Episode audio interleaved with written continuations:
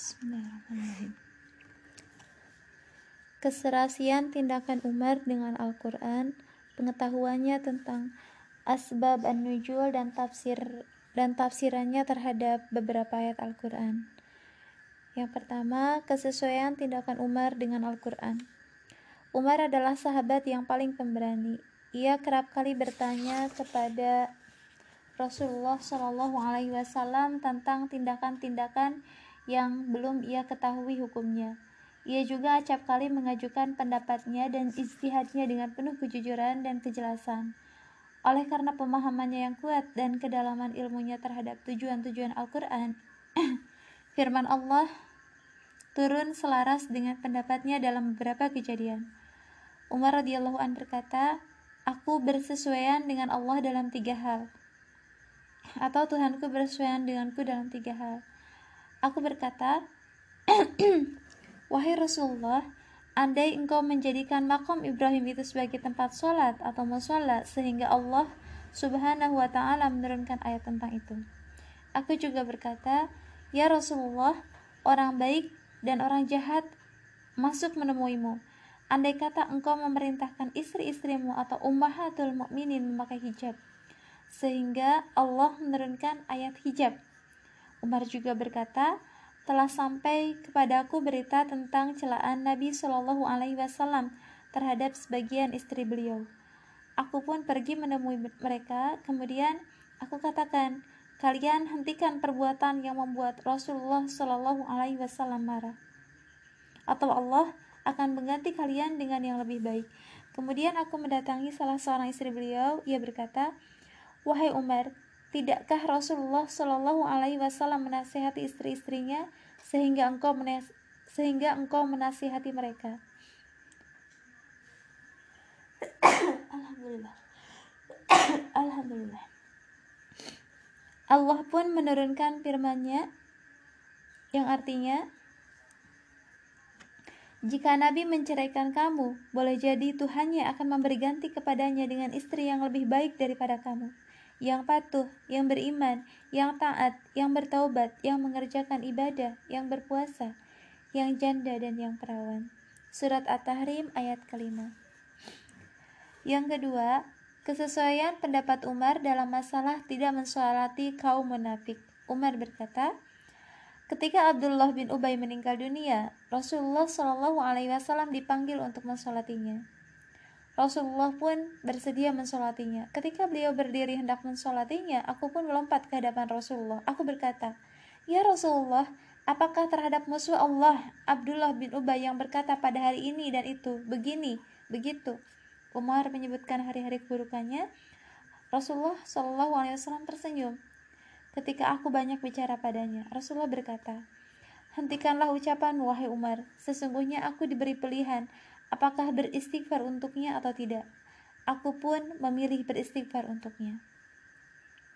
Allah berfirman yang artinya, kamu memohonkan ampun bagi mereka atau tidak kamu memohonkan ampun bagi mereka adalah sama saja. Kendati pun kamu memohonkan ampun bagi mereka 70 kali, namun Allah sekali-kali tidak akan memberi ampunan kepada mereka. Surah At-Taubah ayat ke-80. Nabi Shallallahu alaihi wasallam bersabda, "Andai aku tahu jika aku menambah lebih dari 70 kali, lalu ia akan diampuni, akan aku tambah." Kemudian Rasulullah mensolatinya dan berjalan mengiringnya. Rasulullah berdiri di atas kuburnya hingga selesai dikuburkan. Aku heran pada diriku sendiri dan keberanianku kepada Rasulullah Shallallahu Alaihi Wasallam. Allah dan Rasulnya yang lebih tahu. Demi Allah, tidak lama kemudian turunlah dua ayat ini, yang artinya, dan janganlah kamu sekali-kali menyembahyangkan jenazah seorang yang mati di antara mereka. Dan janganlah kamu berdiri mendoakan di kuburnya. Surah At-Taubah ayat ke-84. Setelah itu Rasulullah Shallallahu Alaihi Wasallam tidak bersedia mensolati orang munafik atau berdiri di atas kuburnya untuk mendoakannya hingga Allah Subhanahu Wa Taala mengambil nyawanya. Yang ketiga, kesesuaian pendapat Umar pada masalah tawanan perang Badar. Umar radhiyallahu an menuturkan, pada saat perang Badar, Allah menghancurkan kaum musyrikin. 70 pria terbunuh dan 70 lainnya tertawan. Rasulullah Shallallahu Alaihi Wasallam meminta pendapat Abu Bakar, Ali dan Umar. Abu Bakar berkata, Wahai Nabi Allah, mereka adalah keturunan paman Anda, keluarga dan saudara. Saya berpendapat hendaknya engkau mengambil tebusan dari mereka, sehingga apa yang kita ambil dari mereka menjadi kekuatan kita melawan kaum kafir. Semoga Allah memberi hidayah pada mereka sehingga menjadi pertolongan bagi kita. Rasulullah Shallallahu Alaihi Wasallam berkata, apa pendapatmu, Hai ibnu Khattab? Umar bin Khattab berkata, demi Allah, saya tidak sependapat dengan Abu Bakar. Akan tetapi saya berpendapat, hendaklah Anda memberikan wewenang kepadaku terhadap si fulan atau kerabat Umar, sehingga saya bisa menebas batang lehernya. Kemudian Anda memberikan kuasa pada Ali terhadap Uqail, sehingga ia bisa memenggal lehernya, lalu memberi wewenang kepada Hamzah terhadap saudaranya, si Fulan, sehingga bisa menebas lehernya hingga Allah tahu bahwa di dalam hati kita tidak ada belas kasihan terhadap kaum musyrikin. Mereka itu adalah para pemberani, pemimpin, dan panglima mereka. Rasulullah Shallallahu Alaihi Wasallam cenderung pada pandangan Abu Bakar dan tidak tertarik pada pendapatku sehingga Rasulullah pun mengambil tebusan dari kaum musyrikin. Esok harinya Umar pergi menghadap Nabi Shallallahu Alaihi Wasallam. Saat itu beliau duduk bersama dengan Abu Bakar. Mereka berdua menangis. Umar berkata, Ya Rasulullah, beritahu aku apa yang membuatmu dan sahabatmu menangis? Jika aku mendapati sesuatu yang membuatku menangis, aku juga akan menangis. Jika aku tidak menemukan sesuatu yang harus membuatku menangis, aku akan turut serta menangis dengan kalian. Nabi Shallallahu Alaihi Wasallam bersabda, Aku menangis karena sahabat-sahabatmu yang menawarkan tebusan kepadaku. Telah ditunjukkan padaku bahwa azab mereka lebih dekat daripada pohon ini. Allah Subhanahu wa Ta'ala pun menurunkan firman-Nya, yang artinya tidak patut bagi seorang nabi mempunyai tawanan sebelum ia dapat melumpuhkan musuhnya di muka bumi. Kamu menghendaki harta benda duniawi sedangkan Allah menghendaki pahala akhirat untukmu. Dan Allah Maha Perkasa lagi Maha Bijaksana. Kalau sekiranya tidak ada ketetapan yang telah terdahulu dari Allah, niscaya kamu ditimpa siksaan yang besar karena tebusan yang kamu ambil. Surah Al-Anfal ayat 67 sampai 68. Kemudian dihalalkan ghanimah bagi mereka pada peristiwa perang Uhud pada tahun berikutnya. Mereka disiksa akibat perbuatan mereka pada perang Badar karena mereka mengambil tebusan. 70 orang terbunuh dan para sahabat Rasulullah Shallallahu alaihi wasallam lari dari sisi beliau. Gigi geraham beliau rontok dan pelindung kepala beliau hancur. Darah mengalir dari wajahnya. Allah Subhanahu wa taala menurunkan firman-Nya, dan mengapa ketika kamu ditimpa musibah pada peperangan Uhud, padahal kamu telah menimpakan kekalahan dua kali lipat kepada musuh-musuhmu pada peperangan Badar? Kamu berkata, dari mana datangnya kekalahan ini? Katakanlah, itu dari kesalahan dirimu sendiri. Sesungguhnya Allah Maha Kuasa atas segala sesuatu. Surah Ali Imran ayat 165. Yang keempat, kesesuaian pendapat Umar dalam masalah meminta izin. Pada suatu siang, Nabi Wasallam mengirimkan seorang pria dari kalangan Ansar kepada Umar bin Khattab untuk mengundangnya. Utusan itu pun menemui Umar. Saat itu Umar sedang tidur dan sebagian tubuhnya tersingkap. Umar berkata, "Ya Allah, haramkanlah seseorang masuk kepada kami pada waktu kami tidur." Dalam riwayat lain disebutkan bahwa Umar berkata, "Ya Rasulullah, aku berharap seandainya Allah memerintahkan pada kami dan melarang kami dari masalah meminta izin. Kemudian turunlah ayat, Hai orang-orang yang beriman, hendaklah budak-budak lelaki dan wanita yang kamu miliki dan orang-orang yang belum balik di antara kamu meminta izin kepada kamu tiga kali dalam satu hari, yaitu yang pertama, sebelum sembahyang subuh, kedua, ketika kamu menanggalkan pakaian luarmu di tengah hari, dan yang ketiga sesudah sembahyang isya. Surah An-Nur ayat ke-58. Yang kelima, doa Umar dalam masalah pengharaman hamar. Ketika turun firman Allah, mereka bertanya kepadamu tentang hamar dan judi. Katakanlah, pada keduanya terdapat dosa yang besar. Surah Al-Baqarah ayat 219. Umar berdoa, Ya Allah, terangkanlah dengan jelas kepada kami masalah hamar. Kemudian turunlah firman Allah pada surah An-Nisa. Hai orang-orang yang beriman, janganlah kamu sholat sedang kamu dalam keadaan mabuk. Surah An-Nisa ayat ke-43 Saat ini, apabila sholat hendak dilaksanakan, penyeru yang diutus Rasulullah Shallallahu Alaihi Wasallam menyerukan agar orang-orang yang mabuk jangan mendekati sholat. Umar pun dipanggil, kemudian dibacakan kepadanya ayat khamar. Maka berhentilah kamu dari mengerjakan pekerjaan itu. Surat Al-Maidah ayat ke-91. Umar berkata, kami berhenti, kami berhenti.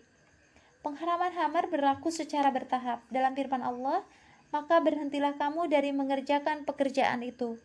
Umar memahami bahwa pertanyaan yang mengandung makna penolakan berarti pengharaman. Pertanyaan dalam bentuk seperti ini lebih kuat dan lebih tegas dalam hal pelarangan daripada bentuk larangan biasa. Lafal-lafal ayat dan susunannya serta gaya bahasanya merupakan ancaman yang menakutkan dan terang dalam hal pelarangan seperti terangnya matahari.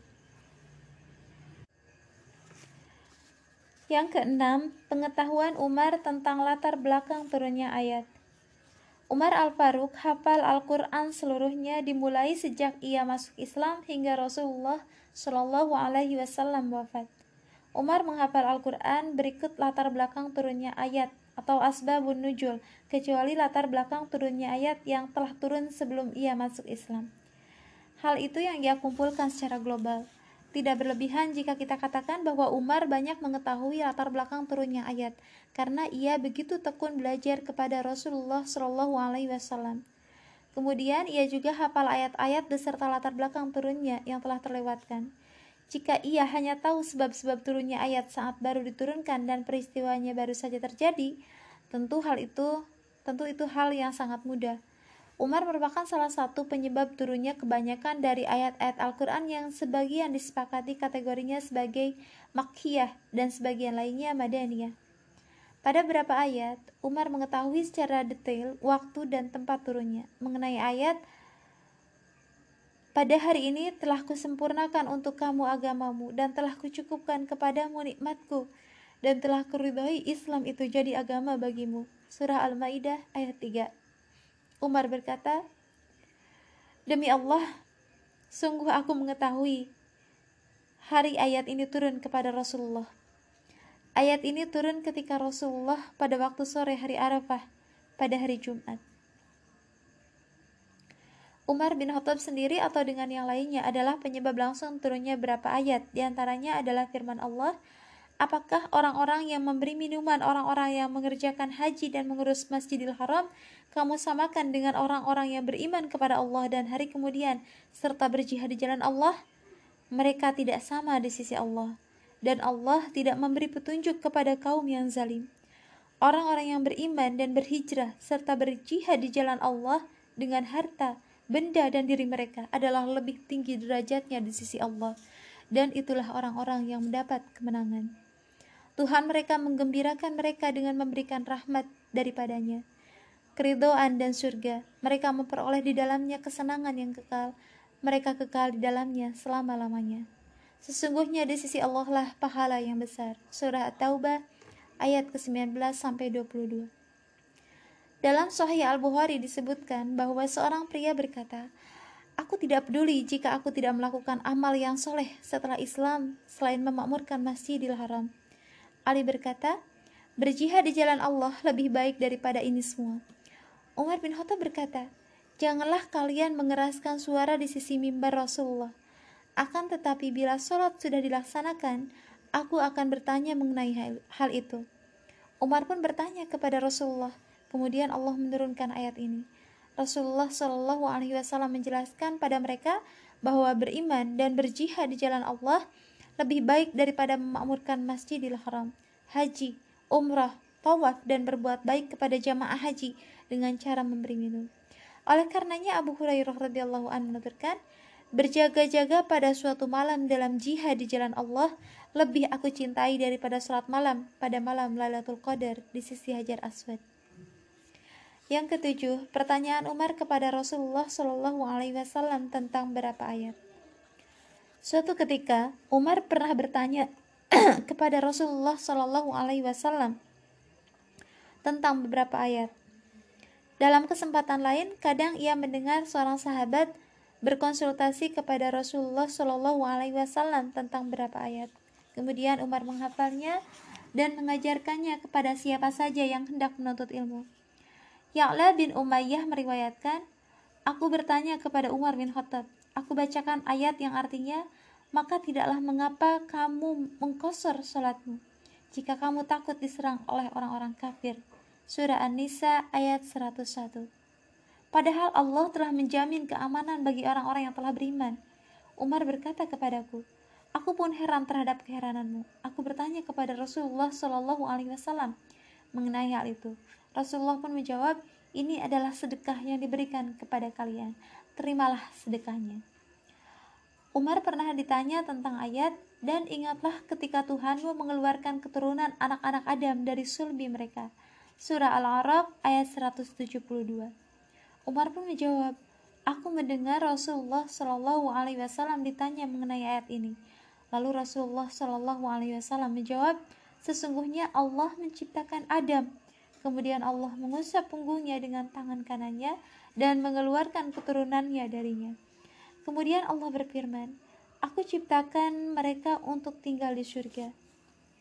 Mereka beramal dengan amalan penghuni surga, lalu Allah mengusap punggungnya dan mengeluarkan keturunannya. Allah berfirman, Aku menciptakan mereka untuk tinggal di neraka. Mereka beramal dengan amalan penghuni neraka. Seorang pria berkata, Ya Rasulullah, kalau begitu mengapa harus beramal? Rasulullah Shallallahu Alaihi Wasallam menjawab, sesungguhnya jika Allah menciptakan seorang hamba untuk tinggal di surga, ia membuatnya beramal dengan amalan penghuni surga hingga mati atas dasar amal perbuatan penghuni surga. Kemudian dengan amal itu ia memasuki surga dan jika Allah menciptakan seorang hamba untuk tinggal di neraka, ia membuatnya beramal dengan amalan penghuni neraka hingga mati atas dasar amal perbuatan penghuni neraka. Kemudian dengan amal itu ia masuki neraka. Ketika turun firman Allah, golongan itu pasti akan dikalahkan dan mereka akan mundur ke belakang. Surah Al-Qamar ayat 45, Umar bertanya, Siapakah golongan yang akan dikalahkan itu? Ketika perang Badar, aku melihat Rasulullah Shallallahu Alaihi Wasallam mengokohkan baju perang dan berkata, golongan itu pasti akan dikalahkan dan mereka akan mundur ke belakang. Saat itu aku pun tahu takdirnya. Yang kedelapan, tafsiran Umar terhadap beberapa ayat dan komentarnya. Umar menghindari penafsiran Al-Quran dengan pendapatnya sendiri, oleh karenanya ketika ditanya tentang tafsir ayat, demi angin yang menerbangkan debu dengan kuat. Surah Az-Zariyat ayat ke-1 Umar menjawab maksudnya adalah angin. Seandainya aku tidak mendengar Rasulullah Shallallahu Alaihi Wasallam mengatakannya, aku tidak akan mengatakannya. Tatkala ia ditanya tafsir ayat dan awan yang mengandung hujan, Azariyat ayat kedua Umar menjawab maksudnya adalah awan. Seandainya aku tidak mendengar Rasulullah Shallallahu Alaihi Wasallam mengatakannya, aku tidak akan mengatakannya. Pada saat ia ditanya tafsir ayat yang artinya dan kapal-kapal yang berlayar dengan mudah, surah Az-Zariyat ayat ketiga Umar menjawab maksudnya adalah kapal. Seandainya aku tidak mendengar Rasulullah Shallallahu Alaihi Wasallam mengatakannya, aku tidak akan mengatakannya. Pada waktu ditanya tafsir ayat yang artinya dan malaikat-malaikat yang membagi-bagi urusan, surah Az-Zariyat ayat 4. Umar menjawab, maksudnya adalah malaikat. Seandainya aku tidak mendengar Rasulullah Shallallahu Alaihi Wasallam mengatakannya, aku tidak akan mengatakannya. Umar radhiyallahu an memiliki metode dalam menafsirkan ayat yaitu apabila ia menemukan Rasulullah memiliki tafsirnya, ia akan mengambil tafsir itu. Itulah metode yang paling baik seperti tafsiran Umar yang telah kita sebutkan sebelumnya. Jika ia tidak mendapatkan, ia akan mencari tafsirnya pada sebagian sahabat seperti Ibnu Abbas, Ubay bin Ka'ab, Abdullah bin Mas'ud, Muaz, dan lainnya. Misalnya, adalah pada suatu ketika Umar berkata kepada para sahabat Nabi radhiyallahu anhum, "Bagaimana pendapat kalian mengenai latar belakang turunnya ayat ini? Apakah ada salah seorang di antaramu yang ingin mempunyai kebun kurma dan anggur yang mengalir di bawahnya sungai-sungai? Dia mempunyai dalam kebun itu segala macam buah-buahan. Kemudian datanglah masa tua pada orang itu, sedang dia mempunyai keturunan yang masih kecil-kecil. Maka kebun itu ditiup angin keras yang mengandung api, lalu terbakarlah. Demikianlah Allah menerangkan ayat-ayatnya kepada kamu, supaya kamu memikirkannya. Surat Al-Baqarah ayat ke-266 Mereka menjawab, Allah yang lebih tahu. Umar pun marah, ia berkata, Katakanlah, kami tahu atau tidak tahu. Ibnu Abbas berkata, Aku mengetahui sesuatu mengenai ayat ini, wahai Amirul Mukminin. Umar berkata, Wahai putra saudaraku, katakan apa yang kau ketahui dan janganlah engkau menghinakan dirimu. Ibnu Abbas berkata, Aku memberi contoh untuk sebuah perbuatan. Umar berkata, Perbuatan apa? Ibnu Abbas berkata, Untuk sebuah perbuatan. Umar berkata, Untuk seorang kaya yang berbuat taat pada Allah Subhanahu wa Ta'ala Kemudian Allah mengutus setan padanya, lalu ia melakukan perbuatan maksiat hingga menenggelamkan amal perbuatannya. Dalam satu riwayat Ibnu Abbas berkata, maksudnya adalah amal perbuatan. Sesungguhnya manusia sangat membutuhkan surga Allah ketika usianya menua dan tanggungannya bertambah. Manusia sangat memerlukan amalnya ketika ia dibangkitkan. Umar berkata, Engkau benar, wahai putra saudaraku.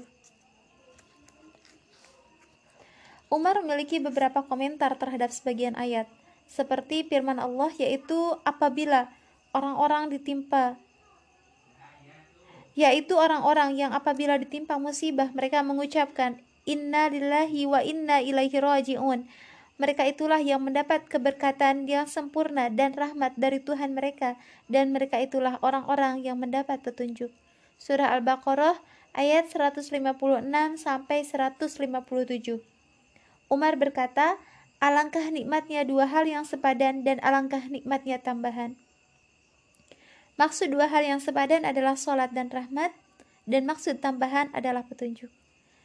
Ketika ia mendengar seorang kori membaca firman Allah Subhanahu wa taala yang artinya, "Hai manusia, apakah yang telah memperdayakan kamu terhadap Tuhanmu yang Maha Pemurah?" Surah Al-Infitor ayat ke-6, Umar berkata, kebodohan. Umar menafsirkan firman Allah Subhanahu wa taala, dan apabila ruh-ruh dipertemukan dengan tubuh surah At-Takwir ayat 7 yang berdosa dengan yang berdosa, yang buruk dengan yang buruk. Umar menafsirkan firman Allah Subhanahu wa taala yang artinya Bertaubatlah kepada Allah dengan taubatan nasuha atau taubat yang semurni-murninya Surah At-Tahrim ayat ke-8 Dengan bertaubat, lalu tidak mengulangi lagi, inilah taubat yang semestinya dan sempurna. Pada suatu hari, Umar melewati biara seorang pendeta. Umar memanggilnya, Hai pendeta, pendeta itu pun mendekat. Umar melihat si pendeta lalu menangis. Pendeta itu bertanya, Wahai Amirul Mukminin, apa yang membuatmu menangis? Umar menjawab, Aku ingat firman Allah Subhanahu wa taala dalam kitabnya yang artinya bekerja keras lagi kepayahan memasuki api yang sangat panas atau neraka. Surah Al-Ghasyiyah ayat ayat ketiga sampai empat. Itulah yang membuatku menangis. Umar menafsirkan jib dengan sihir dan tagut dengan setan dalam firman Allah. Mereka percaya kepada jib dan tagut. Surah An-Nisa ayat ke-51. Surah